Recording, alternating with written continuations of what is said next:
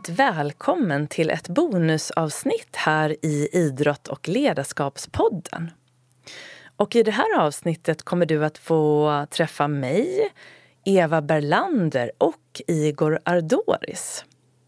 Och det här är ett avsnitt som eh, är lite grann på eh, initiativ av Eva Berlander som eh, driver också en podd som heter Evas relationspodd. Så då bestämde vi oss för att eh, vi skulle sända de här samtidigt i båda våra poddar eftersom vi tror att det som vi pratar om kan vara av eh, intresse för dig, både för din inspiration och din motivation och kanske för din kunskaps skull. Och både Eva och Igor har varit med i den här podden tidigare så vill du veta lite mer om dem så kan du gå tillbaka några säsonger för att eh, lyssna på Eva. Till och med den senaste säsong, säsongen är hon med Och eh, Igor är då med i fyra avsnitt och eh, det är bara att söka på hans namn så hittar du det. Och i det här avsnittet då så berör vi lite olika områden eftersom vi har då och, och, vi har då en sak gemensamt ska jag säga och det är att vi alla tre är mentala tränare men med lite olika inriktningar. Så vi berör då många områden som har med just din personliga utveckling att göra. Ehm, och ur det här mentala träningsperspektivet kanske man kan säga. Och eh, vi pratar mycket om just det här med att eh, vad det är som gör att vi tar oss an uppgifter och varför det ibland blir så att ju mer vi anstränger oss desto sämre går det. Och hur gör vi egentligen för att behålla glädjen när vi ska lära oss nya saker eller när vi vill prestera så att inte prestationen och kraven tar över för glädjen. Och så tar vi oss an det här med negativ tävlan och eh, Igor pratar om vikten av att bli en mästare på att aktivera ditt lugnande system. Och så berör vi och pratar också om den här otroligt viktiga insikten av att det är, faktiskt är via samarbete och genom ett vänligt förhållningssätt som vi både kan utvecklas och föra oss framåt, både som Homo sapiens så att säga, men också i vår utveckling. Så jag hoppas att eh, du nu kan luta dig tillbaka eller lägga dig kanske i hängmattan, ta några djupa andetag och så önskar jag dig en riktigt trevlig lyssning. Nu kör vi!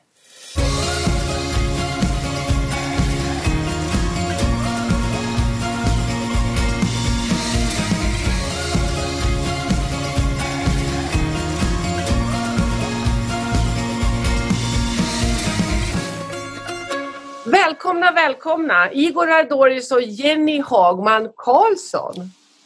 Ni har ju båda varit med i min podcast tidigare. Och jag tycker så mycket om er. Jag tycker så mycket om ert arbete som ni gör och det är med stor glädje som jag hälsar er välkomna tillbaka. Tack så mycket, trevligt att vara tillbaka.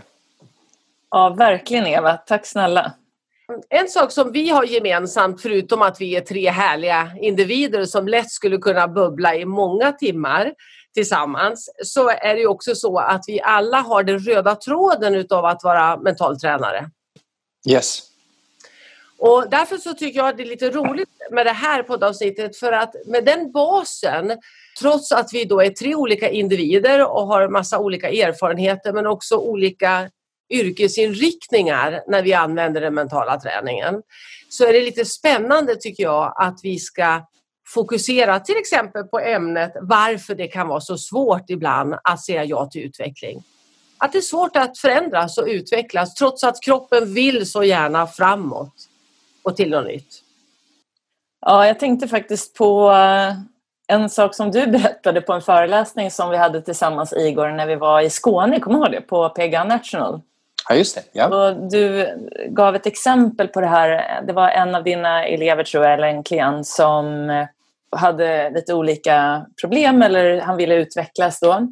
Och så gav du då olika exempel och eh, varje gång du gav ett exempel så sa han så här, men den, det där har jag gjort eller ja, den boken har jag läst. Eh, ja, den, den där utbildningen har jag gått. Han hade liksom gjort väldigt mycket av det som du föreslog. Men ändå var han väldigt sökande och hade liksom inte riktigt hittat svaren. Så det där tycker jag att jag upplever ibland själv också. Att vi fortsätter söka fast svaren kanske finns närmre än vad du tror. Mm. Och att våga där i det läget, liksom, vad är det som gör att vi till slut kan stanna upp och rikta blicken till den som kanske till slut ändå har svaren, vilket är du själv. Precis. Mm. Och vad, vad behöver vi som individer för att till slut hitta den här, det här hejda sig för att liksom vända blicken den rätta vägen så att säga. Så det tycker jag är en spännande, intressant fundering och fråga kring det här. Jag tror att det var ju så att eh, den här personen hörde av sig och var väldigt nere för att just eh, personen hade gått väldigt många utbildningar men kände ändå att eh, hen inte kunde liksom finna sig till rätta, lite som du beskriver Jenny. Och när jag då frågade om vilka utbildningar personen har gått, då, då hade hen pluggat och studerat och gått kurser och så vidare. Och det var allt mellan himmel och jord. Det var mindfulness och hypnos och självhypnos och NLP och transcendental meditation. Och då, alltså, ja. och då minns jag att mitt svar var, men vad är det som hindrar dig att ta en av dessa metoder som du har gått utbildning i och kurs i och pluggat och jobba med den i din vardag så mycket och så pass länge att det börjar fungera för dig. Alla metoder, oavsett vilka metoder eller utbildningar eller uh, man, man nu lär sig. Uh, det som får dem att fungera det är att man har använt dem så pass mycket att, att de börjar ge resultat. Mm. Så det finns inga magiska metoder. Det magiska i den ekvationen är ens egna ihärdighet och eh, långsiktighet och självdisciplin eh, Eh, som, som, som så småningom eh, leder till de önskade effekterna. Tyvärr väldigt många människor eh, samlar på sig metoder så de skaffar sig relativt ytliga kunskaper där de har kännedom om olika metoder men långt ifrån kompetens som, som, som skulle leda till att dessa metoder verkligen liksom ger, bär frukt. Mm. Jag håller med dig. Men jag, jag tänker att ehm, för mig, och ska se vad ni säger om det, för mig är det lite olika saker. För det ena är ju att som du är inne på, att träna, träna då på rätt sätt när man använder sig av den här metoden. Men vi får se vad ni säger nu, för att jag brukar ofta säga att ehm, jag jobbar inte med en metod. Jag jobbar inte med att lära ut metoder. Däremot så vill jag ju liksom lyfta blicken och förstå den större bilden av den. För att om vi, har, vi, vi, skulle kunna ha vilken metod som helst som redskap men om vi inte kan använda metoden rätt så att säga. Eh, och, och, när jag säger rätt så säger jag, syftar jag då, som ni vet jobbar jag ju mycket med att utbilda om hjärnan och då tänker jag att, att det är två saker där. Det ena är att det är en sak att fatta upp i huvudet. Det är någonting annat att fatta i kroppen. Och det här med metoder, när jag utbildar till exempel terapeuter så har ju de lärt sig en del av en metod hos mig, det vill säga att bygga en bro mellan par och att jobba med par. Men det är ju många som då har lärt sig själva verktygen men som ändå inte klarar att lära ut det vidare eller som heller inte kan hjälpa sina klienter att hjälpa sig själva. Är ni med mig? För att det mm. blir då en intellektuell process utav att jo, men jag förstår att man gör så här och så gör man så här och så gör man så här men det är liksom uppe i huvudet. Och, och, här är en av de viktigaste grejerna för mig det är ju att vi måste ner i kroppen och för att komma ner i kroppen då måste vi A, ta in kunskap tror jag om hur hjärnan funkar. Det tror jag, att liksom smeka oss på kinden och förstå den större bilden som jag säger. Men vi behöver också öppna, nu får se vad, det jag kallar för en mottagarplats. Vet ni vad jag menar med mottagarplats? Där vi är öppna och mottagliga. Ja, visst. Att ja. det mm. finns liksom en, en förmåga att ta till sig det. Både det man upplever och uppfattar och det som förmedlas till en. Ja, precis. Och, och där tänker jag ju också då att en del för mig med den mentala träningen har varit briljant. Jag tycker att det är otroligt mycket bra delar utav den mentala träningen och som också är kopplat som du sa Igor till träning, träning, träning indirekt. Att för att vi ska bli kompetenta på någonting så måste vi naturligtvis träna på någonting väldigt länge och i, i omgångar så att säga, i perioder. Men om jag inte är öppen och mottaglig, då kan min träning bli automatisk. Förstår ni vad jag menar? Ja. Mekanisk. Mekanisk, precis. Mm. Mm. Och, och, då kommer inte det leda till ett paradigmskifte. Och det är ett paradigmskifte vi måste få för att kompetensen ska ramla på plats. Mm. mm. Vad, vad tänker ni?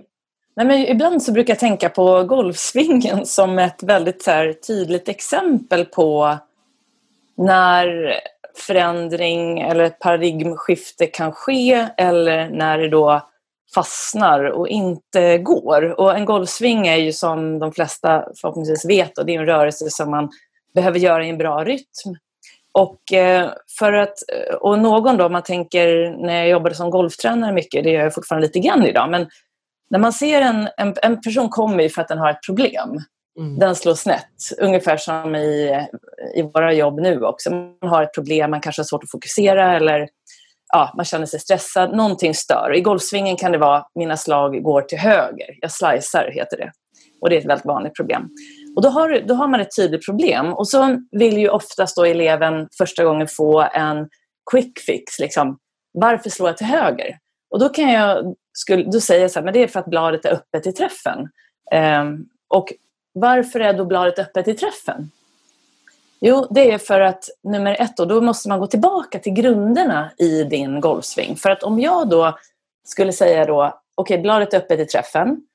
Det handlar ju om att svingen rör sig då lite konstigt i baksvingen. Men innan den börjar röra sig konstigt i baksvingen så handlar det om vad du har gjort innan dess och det är hur du har fattat tag i klubban. Mm. Så att om du har fattat tag i... Det är det första man gör när man ställer upp sig till golfbollen. Därför är det då den första viktigaste grunden. Om du håller i klubban fel, då kommer det inte spela någon roll vad du gör i din sving. För det kommer ändå vara väldigt svårt för dig att skapa förutsättningar för ett rakt slag. För det här bladet kommer ändå vara öppet. Men då kan man helt plötsligt se att om du tittar och börjar på greppet, struntar i svingen, ser då att greppet är lite svagt med den översta handen. Man ser jag brukar prata om knogar, man ser bara en knog istället för två knogar. Och så gör den här lilla förändringen att man flyttar den här handen lite grann så att man får ett neutralt grepp. Och helt plötsligt kan den här personen då, det känns jättekonstigt, man vill inte ändra greppet för det är typ det svåraste många kan tycka. Men när du väl svingar så går bollen rakt. På en sekund senare, nästa sving. Det är fantastiskt. Ja, för dig som lyssnar så skulle du se Jenny just nu. För just nu så fäktar hon med armarna och hon liksom spelar golf här samtidigt som hon ska berätta om den här svingen. Det är synd att inte du som lyssnar får se henne för hon ser härlig ut. Fortsätt ja. Då är det egentligen en ganska liten förändring men anledningen då att man är benägen att göra förändringen är för att dels finns det ett problem från början och sen kunskapen då som förhoppningsvis jag i det här fallet kan förmedla då att varför blir bladet öppet i träffen? Jo, på grund av det här. Och sen får eleven testa och så märker den faktiskt ett litet resultat. Mm. Och sen gäller det då att den här personen kan gå vidare och fortsätta träningen och lita på då och ha den här tryggheten som är grundad då lite grann på kunskap för att kunna fortsätta sin träning. För att det är klart att det här kommer kunna glida tillbaka eh, och då slår man snett igen. Eller, ja, så att, bara som ett litet exempel på vad som skulle kunna... Att kunskap blir väldigt viktigt. Och återigen det här med grunderna, precis som i mental träning. att Grunden är ju av förmågan att slappna av, förmågan att reglera sin spänningsnivå. Om man börjar där så är det så väldigt mycket som kan falla på plats. Mm. Men om vi går och bygger från taket tillbaka så blir det så mycket svårare. Så att, Jättefint exempel. Igor, vad tänker du när du hör Jenny? Du var inne på att man inte ska uh, träna för mekaniskt eller att det inte ska bli mekaniskt, att man bara gör någonting mindlessly, mm. om vi säger så, utan, liksom, utan uh, en, en, en uppmärksam närvaro, utan att man bara är duktig. Mm. Uh, det vill säga bockar av viss sak och så förväntar man sig resultat. Och det är ju den stora utmaningen överlag. Till mental träning så vår gemensamma lärare då, Lars-Erik Unestål, har, eh, jag tror för eh, säkert 40 år sedan redan eh, lyft fram ett par skillnader som han ville nyansera. Den första är skillnad mellan kunskap och kompetens som du har varit inne på när du, som du och Eva uttrycker som att saker och ting kommer ner i kroppen. Mm. Och kunskap är att jag förstår någonting. Så om vi tar Jennys exempel att okej, okay, bladet är för öppet och därför går mina slag åt höger. Men det börjar liksom förflyttas ner till kroppen, det vill säga ner till kompetensnivå. När jag börjar känna, när jag börjar uppleva mm. skillnaden i min spänningsnivå som Jenny nämnde, skillnaden i hur det känns när jag, när jag har en eller två knogar, om jag ska använda Jennys exempel, och så vidare. För att nu istället för att bara ha en lösryckt information eh, att, att eh, bladet är för öppet så börjar min kropp uppleva och genom upplevelse få en insikt om hur det känns eh, på ett sätt och hur det känns på det andra sättet. Sen kan, och sen kan jag jämföra vilket av dessa sätt producerar det för mig närmare, närmare det, det önskade resultatet. Och den här erfarenheten som jag då upplever i min kropp, den innebär en uh, utveckling. Utveckling i en önskad riktning som jag senare kan bygga vidare på. När det gäller skillnaden mellan kunskap och kompetens, den stora utmaningen vi har är att det är så stor betoning på förståelse inom, uh, generellt inom all utbildning.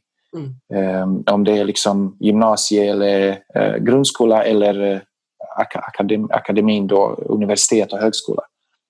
Medan Sunnestål har varit inne på väldigt, alltså under flera decennier att med mental träning vill vi utveckla kompetens, det vill säga förmåga att applicera det vi förstår.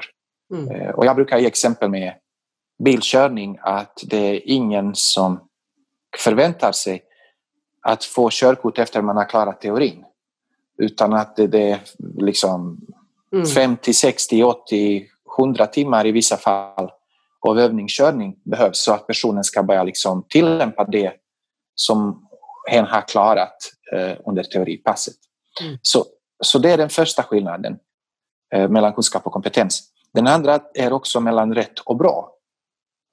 Och den, är, den hänger ihop med eh, kunskap och kompetensskillnaden. För att rätt betyder att följa någon sorts regel, att, att följa någon sorts föreskrift och där det står att det här är rätt, det här är fel. Det finns rätt och det finns fel. Eh, men, men i, i verklighetens värld, i den fysiska världen, i kroppens värld, så handlar det mycket mer om mer eller mindre bra. Eh, det är sällan så onyanserat, nu gjorde jag fel, nu gjorde jag rätt, utan det handlar mer om att upptäcka vad har fungerat mer eller mindre bra. Och den upptäckten i kombination med upplevelsen i samband med den upptäckten, det är det som för mig framåt. Därför om vi då knyter an det till mottagligheten som du var inne på, Eva. Min erfarenhet är att så fort människor börjar släppa det här med rätt och fel i sin eh, utvecklingsprocess och börjar mer bli uppmärksamma på vad blir mer eller mindre bra i sammanhanget. Så slutar de vara mekaniska och blir mer och mer närvarande i det de gör.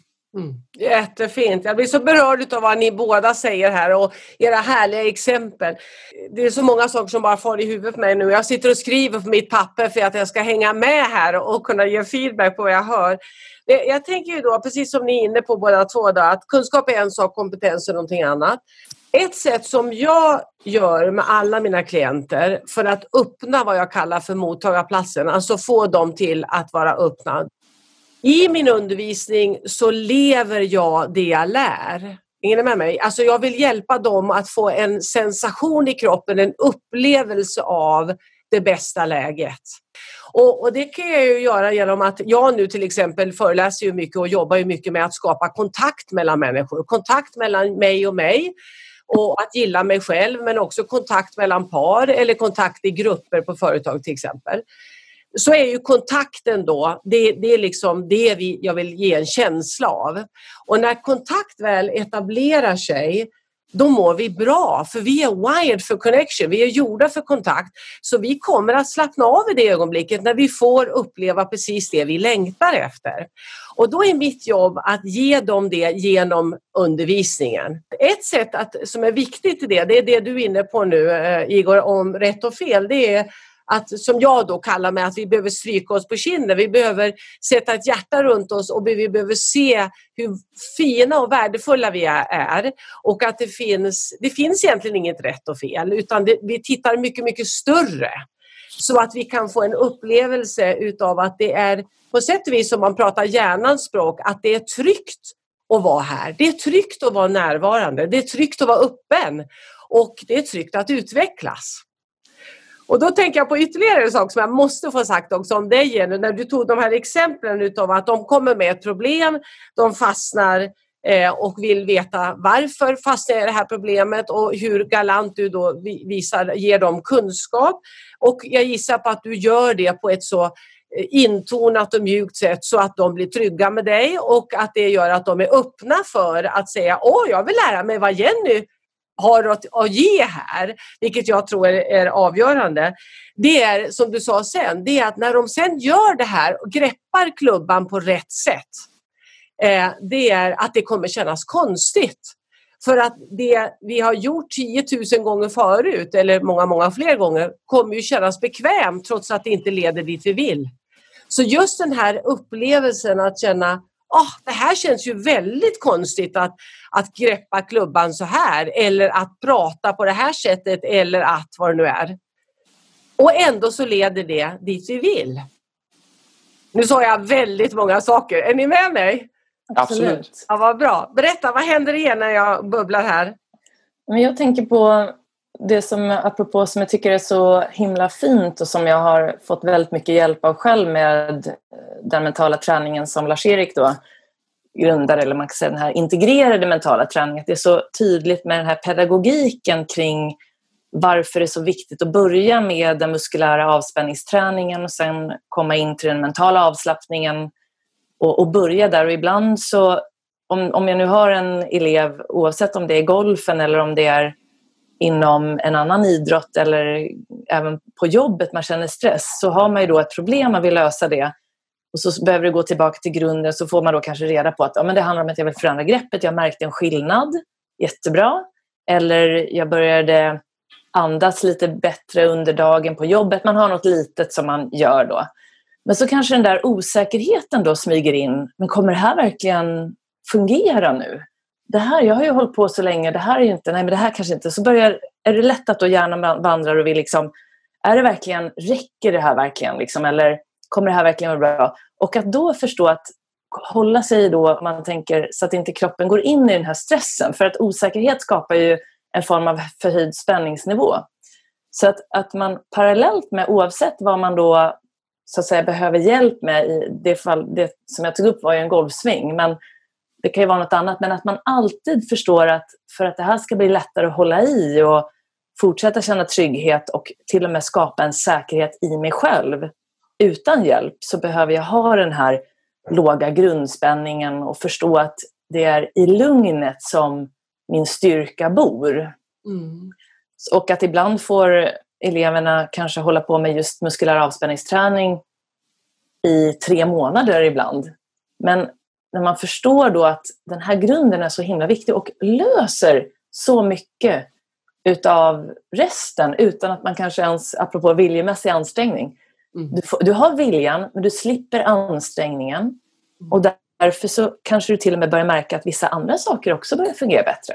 Så mm. att återigen komma tillbaka till grunden är så himla bra tycker jag med också förståelsen för att det här är så mycket forskning som ligger bakom det här och man kan verkligen känna sig trygg i att det kanske räcker med att jag håller på med, om man nu pratar ljudfiler, muskulär avspänningsträning. Det kan man göra inom yogan också så att säga.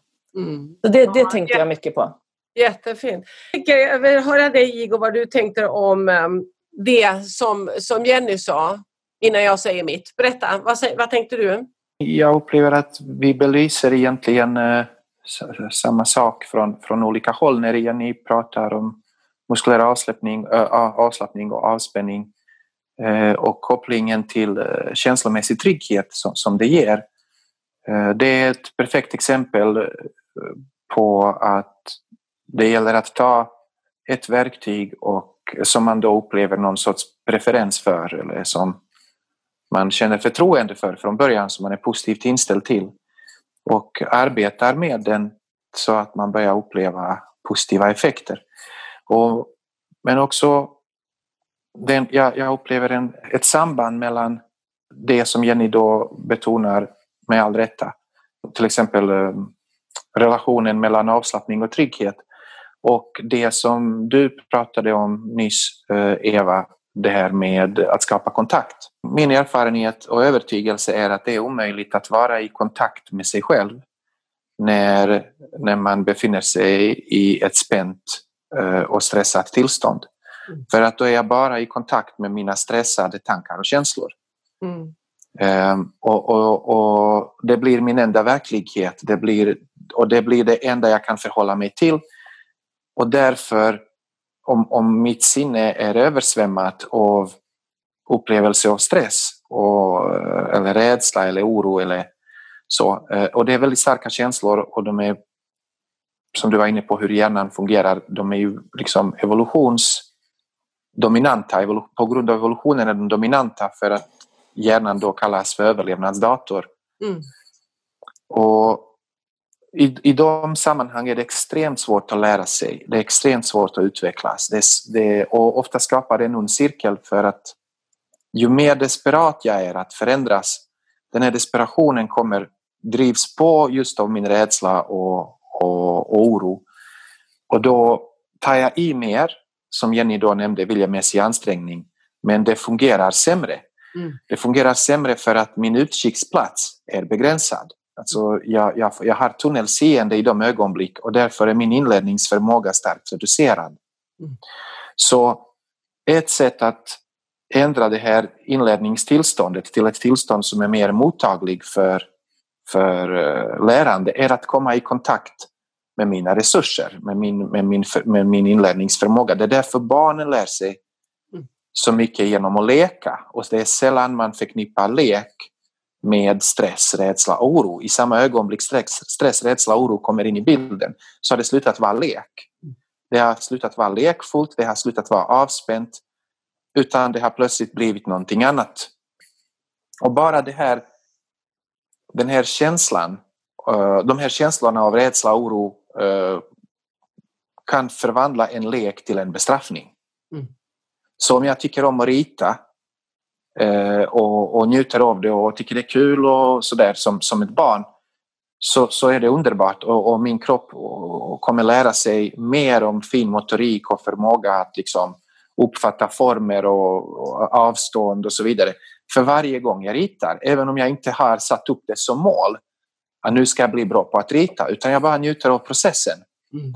Men om jag då plötsligt får en person, speciellt om det är en vuxen person som har mer makt, som plötsligt liksom börjar uh, skälla ut mig för att jag har ritat något dåligt mm. uh, och säger att nu ska du öva på att rita två timmar om dagen uh, eller vad det nu är, en kvart om dagen Eh, tills de här linjerna är raka eller tills det, verkligen, tills det här verkligen ser ut som en blomma eller som en häst och inte som något annat så kommer exakt samma process som fram tills dess var fylld av glädje och njutning och intresse bli förknippad med, med ångest och börja upplevas som bestraffning. Mm. Jätteviktigt det du säger nu. Och då, då tänker jag så här att Många som, som kommer till mig, apropå det du sa om, om kris och hur vi stänger, det är ju att många, i alla fall tidigare, nu har jag jobbat så många år med det här så att det är väldigt många som kommer fast de har det väldigt bra tillsammans också. Men tidigare, säg för 10-12 år sedan, då kom ju de flesta för att de hade just kris. Och där säger du något väldigt viktigt Igor, tänker jag, för att med krisen så är det många som söker hjälp för att precis som du sa Jenny, då söker de efter lösningen på ett problem. Det är det krisen har liksom gjort.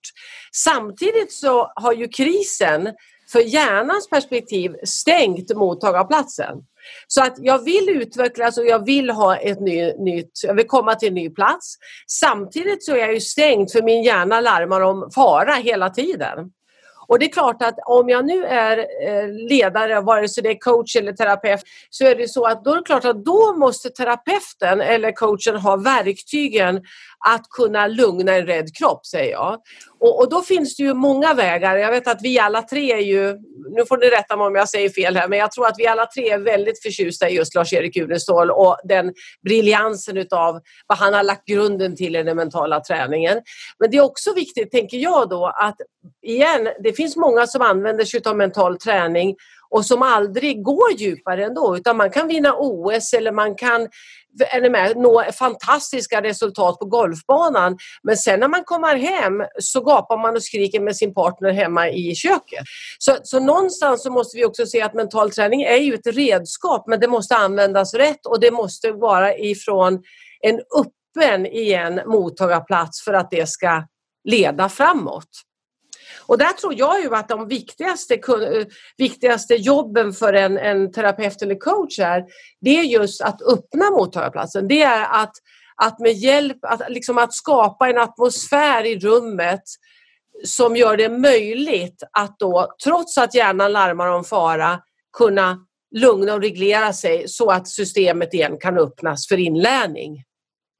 Jag tänkte lite grann just det här med eh, om man vinner OS och många atleter och idrotter har ju under en väldigt lång tid det är ju det här med att eh, prestationen tar liksom över och ehm, eh, ett bra exempel som jag brukar ta upp är Robert Söderlings sommarprat där han faktiskt blev världsfyra inom tennisen men kostnaden till det på grund av stressen som fanns hela tiden bakomliggande och som han liksom öppet berättar om gjorde att han dels fick köttelfeber men att han förklarade ju att han mådde väldigt, väldigt dåligt utanför tennisbanan. Han hade liksom inte fått med sig välmåendet men han kunde ändå nå den här eh, höga positionen. Så att eh, mental träning handlar ju om en inre och en yttre framgång och det han beskriver som ett tips som han ville ge till ungdomar var ju att det är ju vad du gör utanför tennisbanan som kommer avgöra hur bra du blir på tennisbanan. Alltså förmågan att koppla av så att det inte bara blir prestation. Så att när det gäller just eh, grunden i välmående och prestation, om man nu tar det utifrån det, det mentala träningsperspektivet, så finns det ju en väldigt viktig del som handlar om att det är den inre framgången, så att säga, där då förmågan att slappna av, förmågan att jobba och stärka sin egen självbild där självkänslan och självförtroendet, de delar självinsikt, förmågan att ha självdistans finns. Men också parallellt ha den här tydliga målbilden där riktningen kanske har att göra med att du vill bli vinna OS eller man vill eh, bli världsbäst. Liksom. Det är helt okej att ha de målen om du känner att det är från ditt hjärta och att eh, du har gått igenom de här vad ska man säga, kriterierna som en så att säga, önskat läge behöver. Men, så att det, jag tror att den där balansen är så himla viktig för att då kunna komma hem och ha ett fantastiskt liv med sin partner eller sina barn eh, trots att man har den här otroliga pressen och eh, framgången eller motgången rent idrottsmässigt eller kanske i jobbet eller vad det nu är man, man liksom verkar. Mm.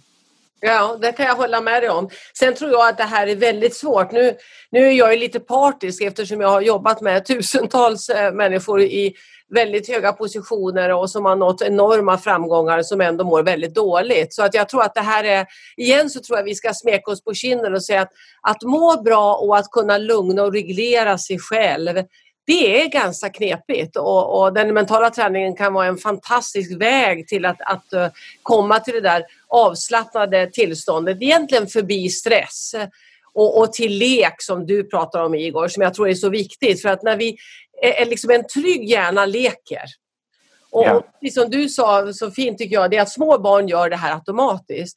Och det är mm. klart, som vuxna så kan vi lära oss att komma till en trygg plats så att vi börjar liksom låta det här aktiveras i oss. För vi har ju leken inne i kroppen allihopa. Den ligger liksom bara runt hörnet. Men det är klart att hjärnan är ju fem gånger mer minst intresserad av att klara sig mot fara så att då tappar vi leken på vägen.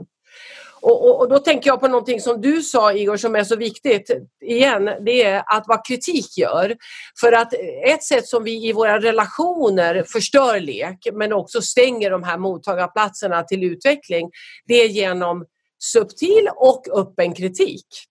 Och i parrelationer och i, i kärleksrelationer så ser man det väldigt, väldigt glasklart. Men också naturligtvis till oss själva när vi kanske står där framför spegeln och säger Fan vad jag ser ut i håret eller Tänk att jag inte klarar den där jävla golfrundan som jag hade tänkt eller vad det nu är för någonting. Och så bäddar vi för ett spänt tillstånd och att mottagarplatsen stängs. Så intressant! Ja. Mm. I onödan! Ja, precis så. När jag blir tillfrågad hur, vad jag liksom hjälper folk med eller vad jag jobbar med som mental tränare så brukar jag säga att jag liksom lär ut hur man, hur man förlorar, alltså hur man lär sig att förlora. Och det mm. sammanfattar på många sätt det vi pratat om hittills. För att kunna förlora på ett bra sätt så vad det inbegriper är att kunna bli så bra på att aktivera lugnande systemet i, i min kropp att även i totala förluster, när ingenting går så som jag hade velat och så som jag hade tänkt mig, att jag ändå, målet är att jag ändå kan må okej. Okay. Att jag kan känna mig ledsen, besviken, upprörd, eh, eh, frustrerad till och med och, jag, och att jag kan slappna av med alla de känslorna. Mm. Det är det som är målet. När jag kan göra det, mm. när jag har en inre trygghet och att jag kan hantera förluster. Mm. Jag önskar att jag aldrig upplever dem. Jag gör allt för att jag ska uppleva fram, framgångar och jag satsar och förbereder mig och planerar och tränar och är disciplinerad. Men trots allt detta så händer det att jag får uppleva förluster. I det lilla och i det stora. Det kallas att leva. Precis, det ingår, det ingår i livets ekvation. Mm. Och det blir svårt att njuta av livet eller att uppskatta livet eller det blir svårt att vara lekfull så länge de här förlusterna hovrar över mig i, i någon sorts illa, med någon sorts illavarslande skugga. Liksom. För att den här skuggan förmörkar alla de trevliga stunder i livet. Och sättet att hantera skuggan då som för mig alltså har fört mig till den mentala träningen är just att bygga upp de här färdigheterna. Och jag kallar det färdigheterna, så det är inte egenskaper som vi, man föds med utan det är färdigheter som alla kan utveckla. Där vi kan genom att förbättra vår förmåga till avslappning och aktivera lugnande systemet härbegära de här känslorna så att vi har dem men att de inte äter upp oss. Och den inre tryggheten som kommer ur vetskap av att jag, jag kan hantera smärta oavsett om den är fysisk eller emotionell gör att jag kan börja slappna av och äntligen kan lyfta blicken från vad händer om det går dåligt till vad skulle hända om det går bra? För att om det går dåligt, jag vet redan att jag är beredd att hantera det. Jättefint. Jag ska tipsa dig som lyssnar här att om du inte har läst Igors jättefina bok som heter Att lära sig förlora så kan jag varmt rekommendera dig att göra det. Jag köpte den direkt när du hade skrivit den och gav den till mina söner, Igor.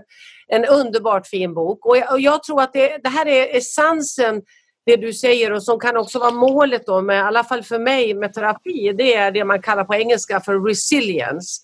Alltså att vi mm. höjer vårt motståndskraft.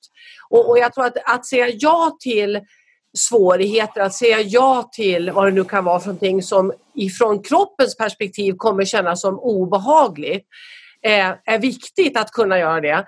Men då ska vi igen sätta ett hjärta runt oss för vi har en hjärna som gärna vill gå runt obehag. Vi, vi, liksom, vi är ju gjorda för att vilja undvika det som eventuellt skulle kunna vara fara för vår överlevnad.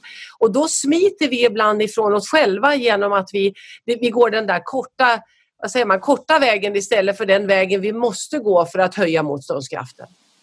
Så, så just det här att, att ha en titel på en bok som säger att, att lära sig förlora tycker jag är en underbar positiv klang på det. Och, och, skulle vi alla kunna säga yay en konflikt eller yay nu är det jobbiga saker och att vi kan titta på det med den där öppenheten, nyfikenheten och värmen och förstå att här finns enorma potentiell utveckling framför oss. Eller hur? Då skulle vi ha en helt annan... Ja, vi, vi skulle komma mycket snabbare fram. Ni hör, nu börjar jag bli entusiastisk här. Mm. Nu börjar jag känna stor energi i kroppen när jag pratar med er båda. Ja, tack detsamma. Det är, mm. det är, jag, jag tror realistiskt att det är väldigt få människor som i praktiken liksom säger yay, nu har vi en konflikt eller yay. Så det, för att konflikt innebär alltid osäkerhet och otrygghet om det kommer lösa sig, om det kommer bli bra och så vidare. Men, eh, men jag tror att men jag förstår att du liksom uttrycker det självklart på det sättet för att, för att betona eh, en förändring i attityden ja. eh, som, är, som är nödvändig. Det, det vi absolut tror jag kan sikta oss in på det är att människor slutar uppleva problem och konflikter som, som katastrofer.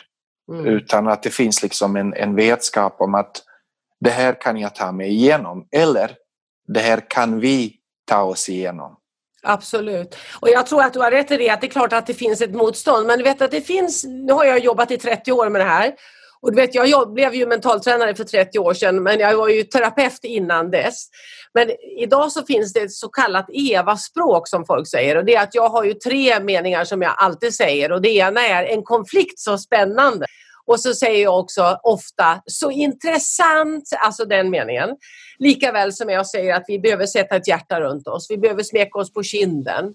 Och nu är det språket så vanligt bland många, inte alla förstås, det är inte alla som har gått hos mig, men det är många som har gått hos mig. Så nu hör jag människor som går på middag eller går på fest och så hör de plötsligt en konflikt, så spännande!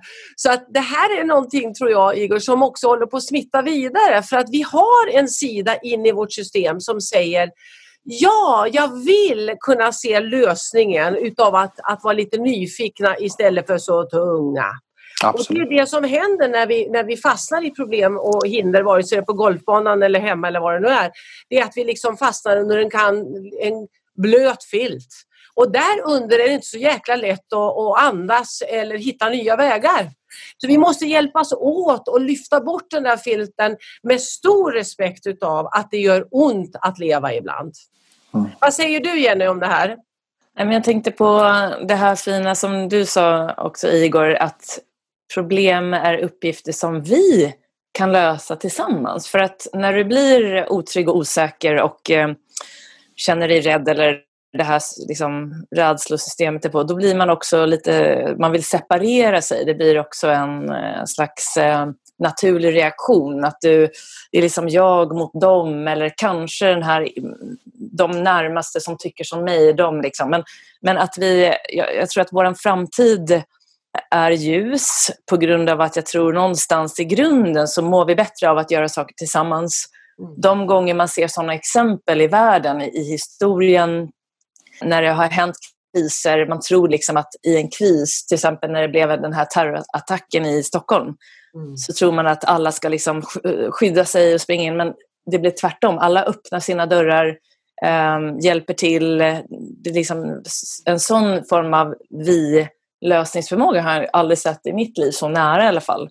Så att jag tror att att kunna se problem som uppgifter som ska lösas är någonting som är jätteviktigt som attityd för sig själv. Men att vi också kan lyfta blicken och, och försöka se också att när vi tar in varandra så blir vi starkare och att vi kommer ännu bättre då kunna lösa problem som kanske idag kan verka stora som klimatet eller fattigdom, alltså sådana saker. Att vi, det finns stora möjligheter när vi går samman. Mm. Åh, vad fint Jenny. Jag tänker att tittar man på Homo sapiens överlevnad så vet vi att den är väldigt förknippad med vår förmåga att samarbeta och att vara vänliga. Och jag tror att det är precis det du säger och som egentligen hör ihop med lek att, att när, när vi kommer tillbaka till vår kår så är vi väldigt vänliga själar. Och, och då, att då knyta an till andra och att hjälpas åt, ja det, det, det kan ju leda hur, till fantastiska möjligheter. Precis, och att det är, det är kanske mer naturligt än vad vi ibland eh, förstår från olika håll. Att man tror att vi gärna är själviska men i grunden, i vårt naturliga tillstånd när vi är lugna och trygga, vilket då vi är egentligen naturligt, så, så har vi den här vänligheten och viljan att eh, hjälpa varandra.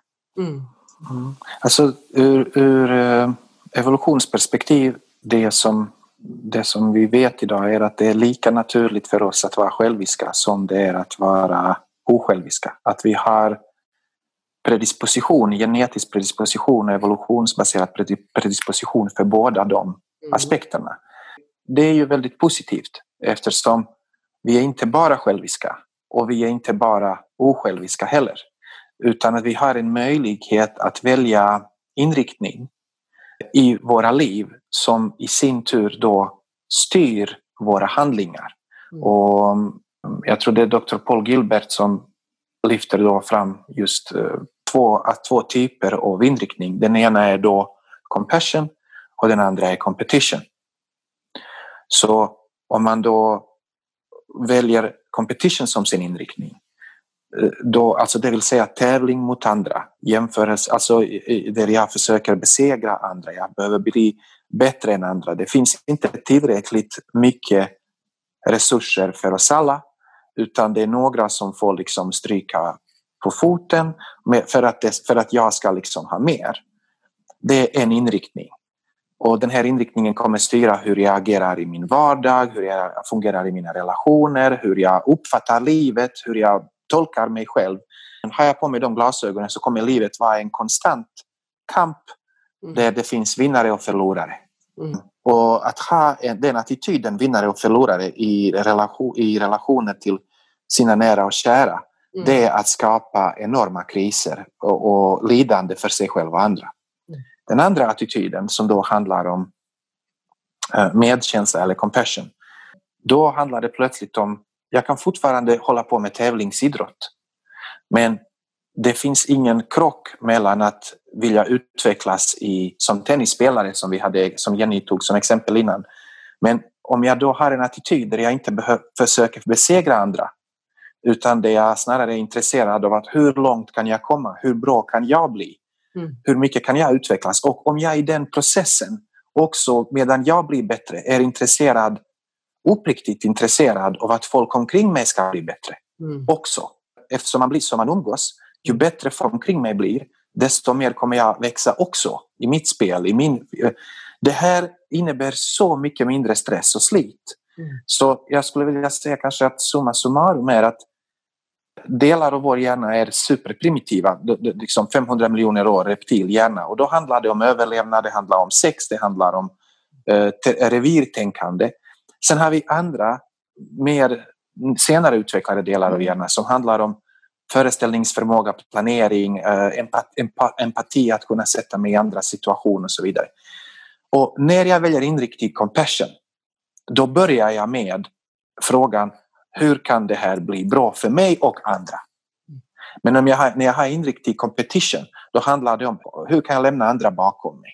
Hur kan jag liksom vara högst upp och ha andra under mig? Och så fort jag har den attityden så kommer fight or flight. Så kommer liksom den här... Och det som minskar är anknytningen. Mm. Precis. Egentligen om man tänker för utvecklingens skull för oss själva och därmed för andra som vi liksom började prata om så är det ju på ett sätt då nästa steg i vår evolution är ju att välja compassion. Precis, att medvetet välja compassion. Ja, det, det, det, Men att vi har ett val där. Att det finns vi har båda fortfarande på grund av att den här gamla hjärnan finns kvar men den nyare hjärnan och det här som du sa att, liksom, att bli en mästare på att aktivera sitt lugnande system. Det känns ja, som ett väldigt så. bra mål. Precis då, så, det är en förutsättning ja. för att kunna välja mm. att agera på ett medkännande sätt mm. istället för att låta fångas av sina instinkter. Ja, men precis. Ja, så det är där träningen kommer in. Att Exakt. man också liksom förstår att det här är något som inte kanske kommer helt automatiskt. Ja, Exakt. och jag tror att det är både träningen och compassion för sig själv när man inte är där. Mm. För att igen så har vi de här, vi, alltså, förenklat kan man säga att hjärnan ser hot eller belöning.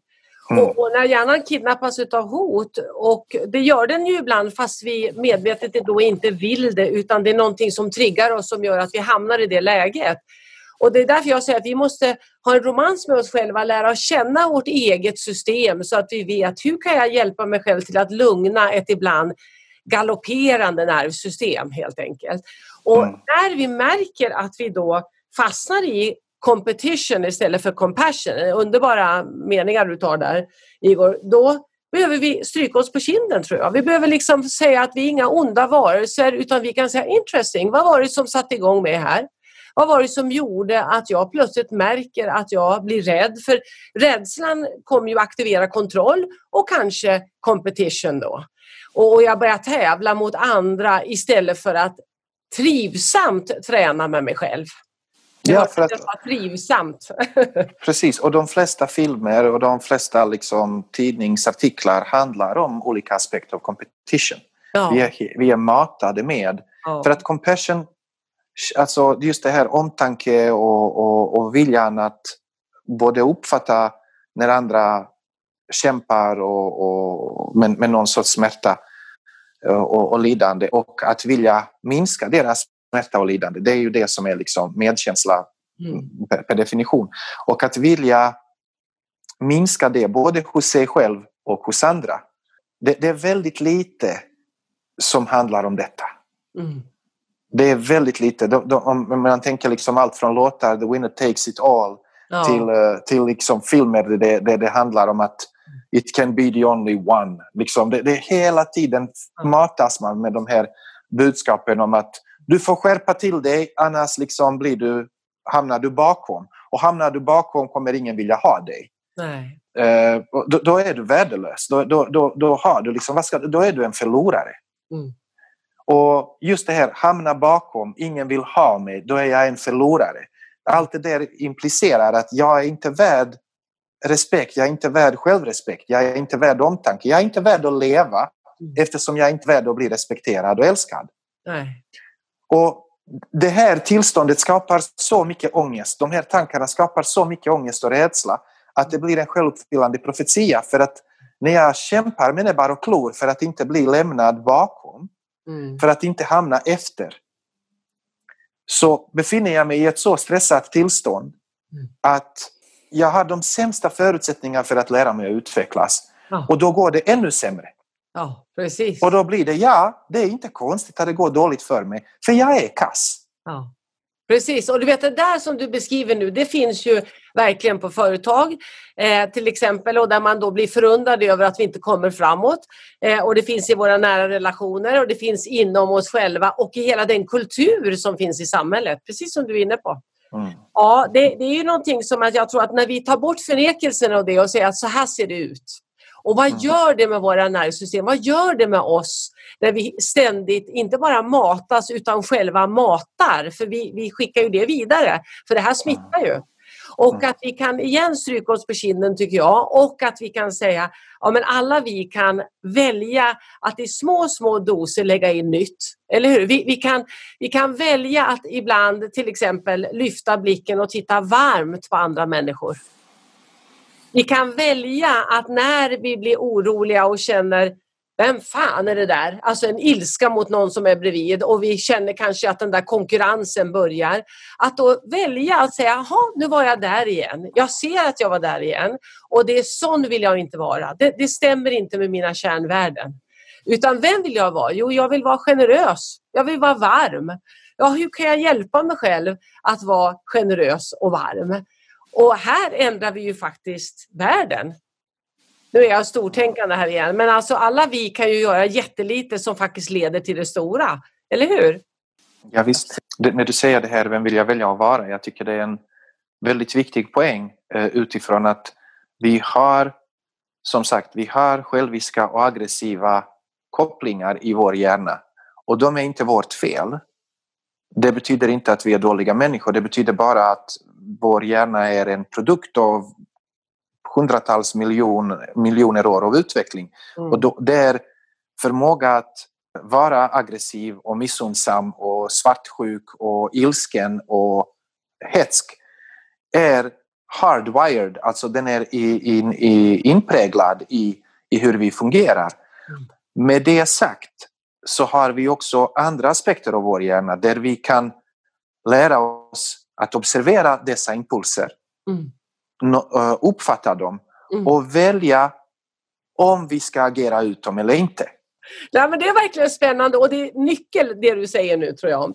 Eh, jag känner att jag, men jag börjar fäkta också med armarna här nu för att jag blir så entusiastisk. Du Jenny, vad ber- säger, berätta vad tänker du om det här? Tiden går fort så jag vill gärna höra. Va, vad tänker du om allt bubblande från Igor och mig här nu?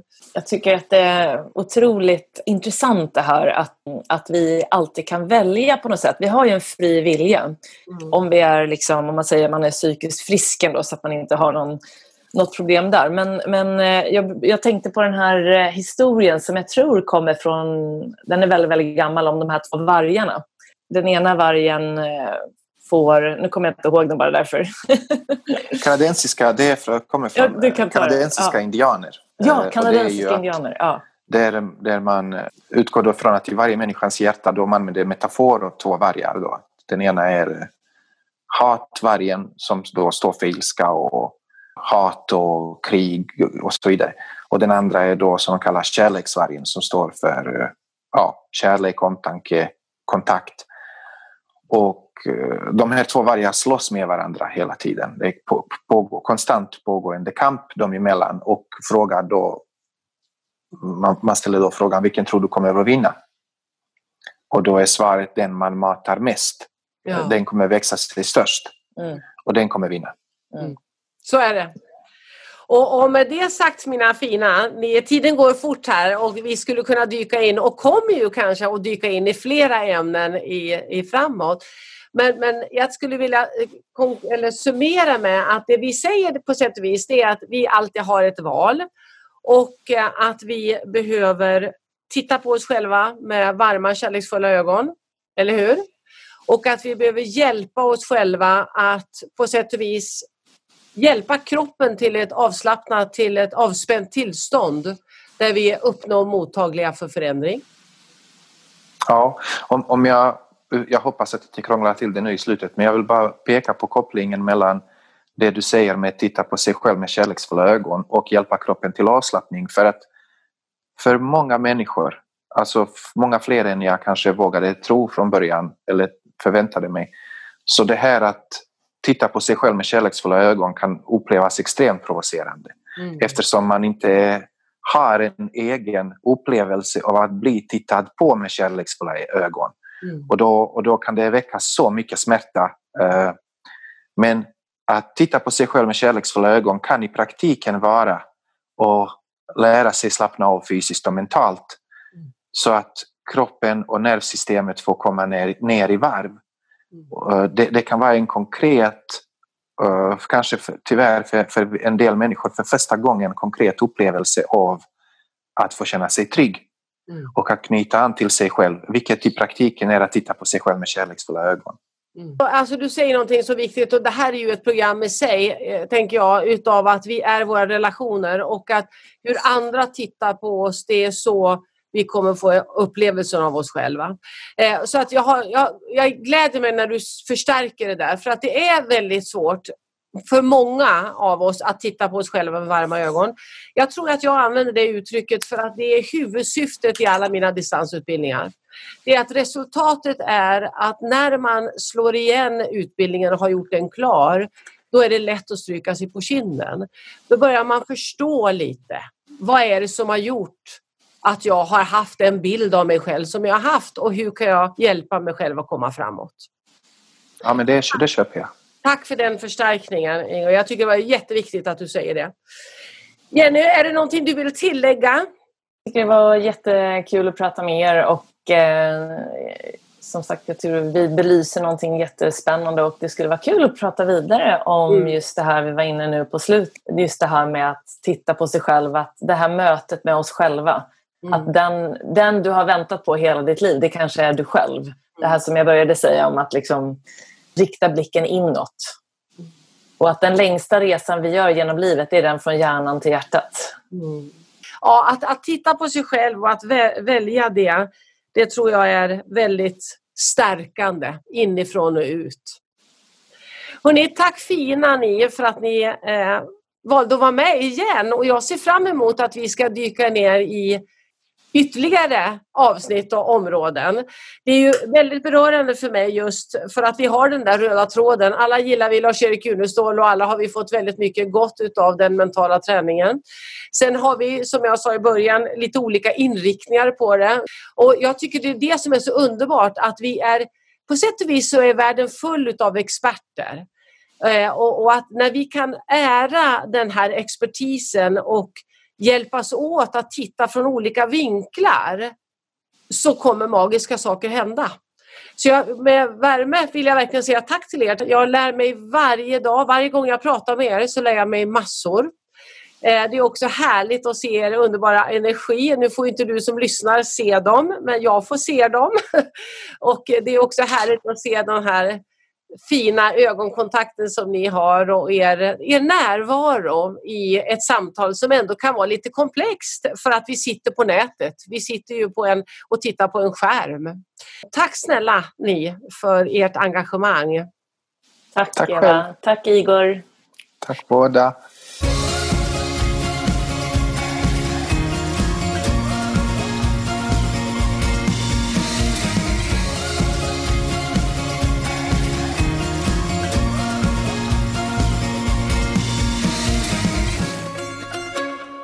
Har du fått lyssna till mitt och Evas och Igors samtal. Och jag hoppas att du har fått med en hel del inspiration och kunskap som du kan ta med dig in i din vardag. Och vill du då veta mer om Eva så finner du henne på evaberlander.com. Och vill du veta mer om Igor så hittar du honom på igorardoris.se.